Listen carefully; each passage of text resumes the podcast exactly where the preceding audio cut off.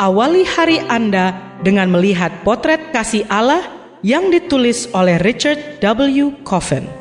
Melalui renungan pagi ini, kita akan mempelajari karakter Allah yang menuntun kita kepada kasihnya. Bersama Pendeta Andre Daimbani, selamat mendengarkan. Shalom, selamat pagi saudaraku. Renungan pagi kita hari ini 2 Juli berjudul Peruntungan yang berubah. Ayat intinya diambil dari Yoel 3 ayat 18. Demikian firman Tuhan. Pada waktu itu akan terjadi bahwa gunung-gunung akan meniriskan anggur baru, bukit-bukit akan mengalirkan susu, dan segala sungai Yehuda akan mengalirkan air mata air akan terbit dari rumah Tuhan dan akan membasahi lembah Sitim. Mari kita dengarkan penjelasannya. Tragedi dua bencana telah menyisakan sebersit harapan sebagai satu-satunya pilihan yang masih ada. Nampaknya, hari Tuhan yang besar telah tiba. Kepada siapa lagi umat yang merana itu menaruh harapan mereka? Allah tentu saja. Namun harapan lebih bermuatan angan-angan ketimbang kepastian. Siapa tahu mungkin ia mau berbalik dan menyesal dan ditinggalkannya berkat. Sebagaimana dicatat dalam Yoel 2 ayat 14. Namun harapan yang mereka taruh bukan sekedar untung-untungan. Di puncak penghancuran yang terjadi Allah berfirman, tetapi sekarang juga berbaliklah kepadaku dengan segenap hatimu. Sebagaimana dicatat dalam ayat yang ke-12.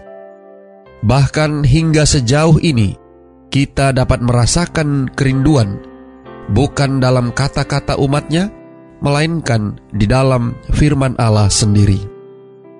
Mungkin kelihatannya Panglima Bala Tentara Tuhanlah yang telah memimpin mereka naik tembok, menyerbu ke dalam kota, memanjat ke dalam rumah-rumah, masuk melalui jendela-jendela, sebagaimana dicatat dalam ayat 7 sampai 9. Tetapi tak peduli betapa telah larut malam, betapa suramnya keadaan, dan betapa dasarnya murka Tuhan.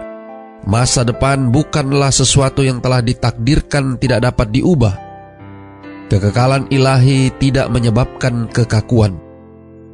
Allah berfirman, Berbaliklah kepadaku dengan segenap hatimu, dengan berpuasa, dengan menangis, dan dengan mengaduh.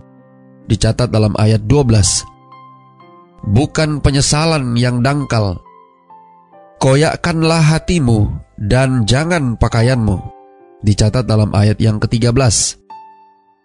Keadaan hati mereka lebih penting ketimbang penampakan luar seperti mengenakan kain karung, hidung meler, dan perut menggeram. Dan tak seorang pun mendapat pengecualian. Semua orang tua, anak-anak, pengantin baru, pendeta, orang awam harus menunjukkan penyesalan. Di antara balai depan dan mezbah, para imam menangis dan berkata, Sayangilah ya Tuhan umatmu. Dicatat dalam ayat yang ke-17. Saudara-saudara yang kekasih di dalam Tuhan, tak mengherankan bila Allah menganggap pertobatan mereka itu asli. Tuhan menjadi cemburu karena tanahnya, dan ia belas kasihan kepada umatnya. Tuhan menjawab, katanya kepada umatnya, Sesungguhnya aku akan mengirim kepadamu gandum, anggur, dan minyak. Dicatat dalam ayat 18 dan 19. Lalu ia bersumpah, Aku akan memulihkan kepadamu tahun-tahun yang hasilnya dimakan habis oleh belalang pindahan, belalang pelompat, belalang pelahap, dan belalang pengerip. Dicatat dalam ayat 25. Bukan hanya itu, tapi ia juga berjanji, Aku akan mencurahkan rohku ke atas semua manusia. Dicatat dalam Yoel 2 ayat 28. Dan ia akan menganggap umatnya bersih, tak bernoda. Bisa kita baca dalam Yoel 2 ayat 32. Anugerah yang menakjubkan. Doa kita hari ini. Bapa terima kasih. Melalui renungan pagi ini, kami boleh dapat mempelajari satu hal yang sangat penting dalam kerohanian kami. Terima kasih melalui renungan pagi ini, kami boleh belajar dari pengalaman bangsa Israel yang menerima panggilan Allah untuk berbalik kembali setia kepada Tuhan.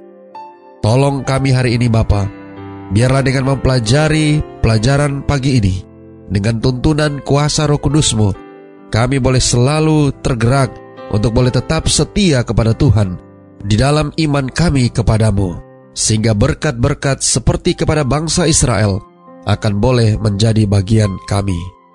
Terima kasih Bapa. Inilah doa dan permohonan kami kepadamu. Semoga Tuhan senantiasa memberkati kita sekalian sepanjang hari ini saat kita melakukan aktivitas kita masing-masing.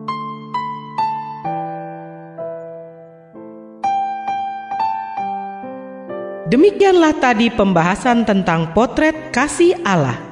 Semoga firman Tuhan hari ini dapat menjadi berkat bagi Anda. Sampai jumpa, Tuhan memberkati.